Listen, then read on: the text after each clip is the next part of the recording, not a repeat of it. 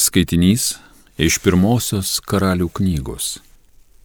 Karalius Saliamonas susišaukė į Jeruzalę Izraelio seniūnus, visus giminių vyresniuosius ir izraelitų šeimynų galvas, norėdamas perkelti viešpaties sandoros skrynę iš Dovido miesto, tai yra iš Sijono. Etenimo mėnesyje, tai septintasis mėnuo, per šventes pas karalių Saliamoną susirinko visi Izraelio vyrai. Dalyvaujant visiems Izraelio seniūnams, kunigai pernešė skrynę kartu su apreiškimo palapine ir joje buvusiais šventaisiais indais. Kunigai ir levitai prieėmė nešėjų tarnystę. Saliamonas ir visa Izraelio bendryje, susirinkusi pas jį prieš skrynę, pjovė avis ir galvijus, kurių dėl daugybės nebuvo galima nei suskaityti, nei apskaičiuoti. Taigi kunigai pastatė viešpaties sandoros skrynę į jai skirtą vietą, į Dievo buveinę tuose namuose, į šventų švenčiausiąją po kerubinų sparnais. Mat kerubinai laikė išskėtę sparnus viršum vietos, kur stovėjo skrynė, ir dengė skrynę bei jos kartis iš viršaus. Skrynioje buvo tik dvi akmens plokštės, kurias Mozė buvo įdėjęs prie Horebo plokštės sandoros, kurią viešpats buvo sudaręs su izraelitais, išėjus šiems iš Egipto. Kada kunigai iš šventyklos išėjo, šventovę debesis pripildė. Dėl to debesies jie nebegalėjo atlikti tarnystės, mat viešpaties šlovė pripildė šventovę. Tada Saliamonas pasakė, Padangėje viešpats įkurdino saulę, o pats panūdo patamsi gyventi. Todėl tau namus pastačiau kuo puikiausius - buveinę gyventi per amžinus amžius. Tai Dievo žodis.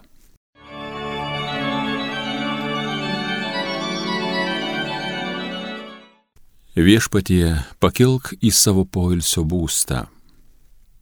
Štai išgirdom ją esant Efratoj, Jaro laukuos mes ją radom, eikime ten, kur jis apsistojęs, pulkime kniūpsti prie jo papėdės. Viešpatie, pakilk į savo poilsio būstą. Viešpatie, pakilk į savo poilsio būstą, tu viešpatie ir tavo galingoji arka. Tegu kunigai iškilniai pasipuošia, tegu tavo liaudis džiūgauja, šaukia. Tu dėliai Dovido, dėl savojo tarno, savo pateptinio veido neniekink. Viešpatie, pakilk į savo poilsio būstą. Alleluja, alleluja, alleluja. Jėzus skelbė karalystės evangeliją ir gydė žmonėse visokias ligas.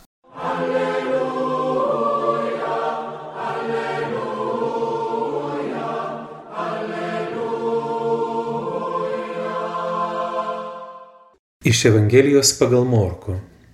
Persyrė per ežerą Jėzus su mokiniais pasiekė Genezaretą ir čia lipo į krantą.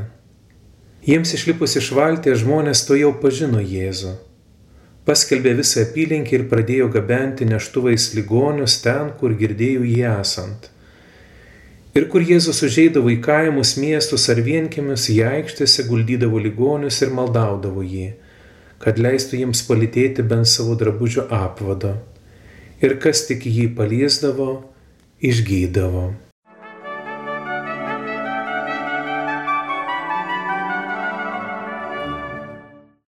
Mūsų girdimoje Evangelijoje Jėzus vėl kelionėje kartu su savo mokiniais.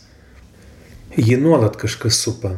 Tai šalia esantis mokiniai, tai kaip šiandien girdime minę su savo rūpešiais ir sunkumais Kaip jau girdėjome Evangelijoje, kai kurie žmonės pažino Jėzų, bet turbūt kaip ir šių dienų pasaulyje, Jėzų tai pažino, bet nepažino Jėzuje Dievo, Dievo Sūnaus.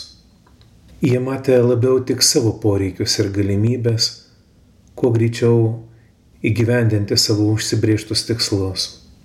Dievas ir šiandien, kaip ir anuomet, yra tarp žmonių Dievas ir šiandien keliauja mano ir tavo istorijoje. Tik viena bėda. kad šiandieniniam žmogui vis sunkiau ir sunkiau beišeina pažinti Dievo pėtsakus jo gyvenime, nes labai jau daug kitų pėtsakų, įvairiausių ideologijų, įvairiausių filosofinių samprotavimų pradeda užgošti tos Dievo pėtsakus. Eikime prie Evangelijos. Jėzus vos tik spėjo išlipti iš valties, tuomet to jau jie apsupo minę su savo problemomis ir sudėtingomis situacijomis. Manau, ir tuomet Jėzaus širdie buvo daug nerimo, matant, kad žmonės ateina kažko tikėdamėsi gauti iš jo, kitaip tariant, pasinaudoti šiuo susitikimu savo tikslams pasiekti.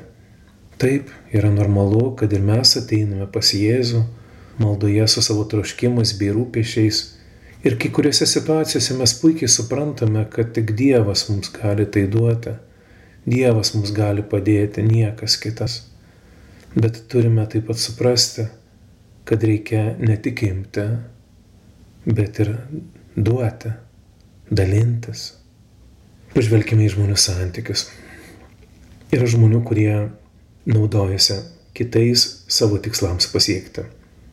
Manau, kad savo gyvenimiškoj kelionė mes esame sutikę žmonių, kurie mums paskambina, parašo žinutę ar kviečia į susitikimą, į svečius tik tuo met, kai jiems ko nors iš mūsų reikia.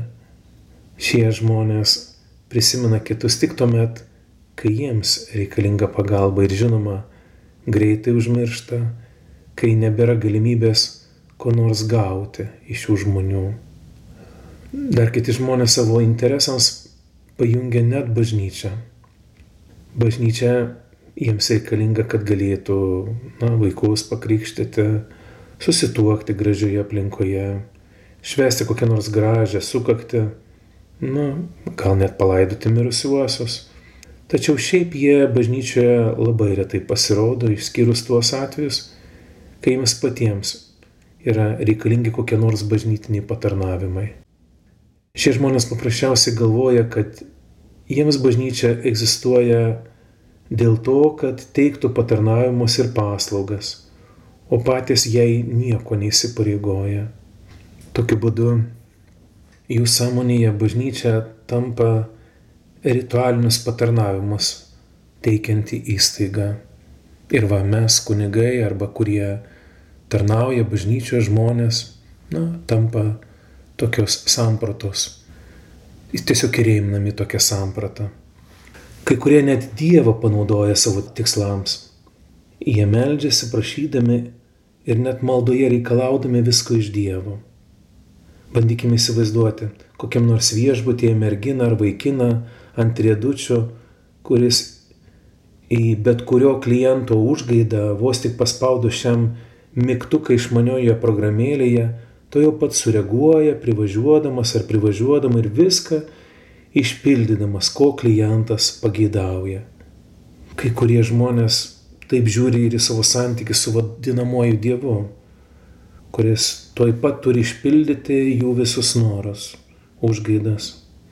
Tai panašu į pasakose džiną, kurio reikalauja, kad kažką padarytų, nu, o mes, kurie dar esame iš senų laikų, Prisimenam tą puikiai animacinį filmuką apie žvėją ir auksinę žuvelę, kuri turi visus norus vargšo senio žmonos išpildyti. Taigi šios dienos Evangelijos žinia, kai bažnyčia mini šventąją mergelę ir kankinę agotą, manau kviečia ir mus susimastyti, ar ir aš panašiai nesielgiu keliaudama šio žemės taku. Gal kartais aš naudojuosi kitais tik savo poreikiams patenkinti mainais nieko vertingo, kitiems neduodamas ir nesidalindamas. O manau, sudėtingiausia tai yra pažvelgti į save ir paklausti, ar maldoje aš Dievo nepaverčiu savo užgaidų ir projektų pildytojų. Meldžiu viešpatė, atsiųski mums savo išminties dvasę, kad pažintume save tavo meilę šviesoje, kuri mums viską dovanodama, kviečia ir mus tapti dovana vieni kitiems ir žinoma tau. Amen.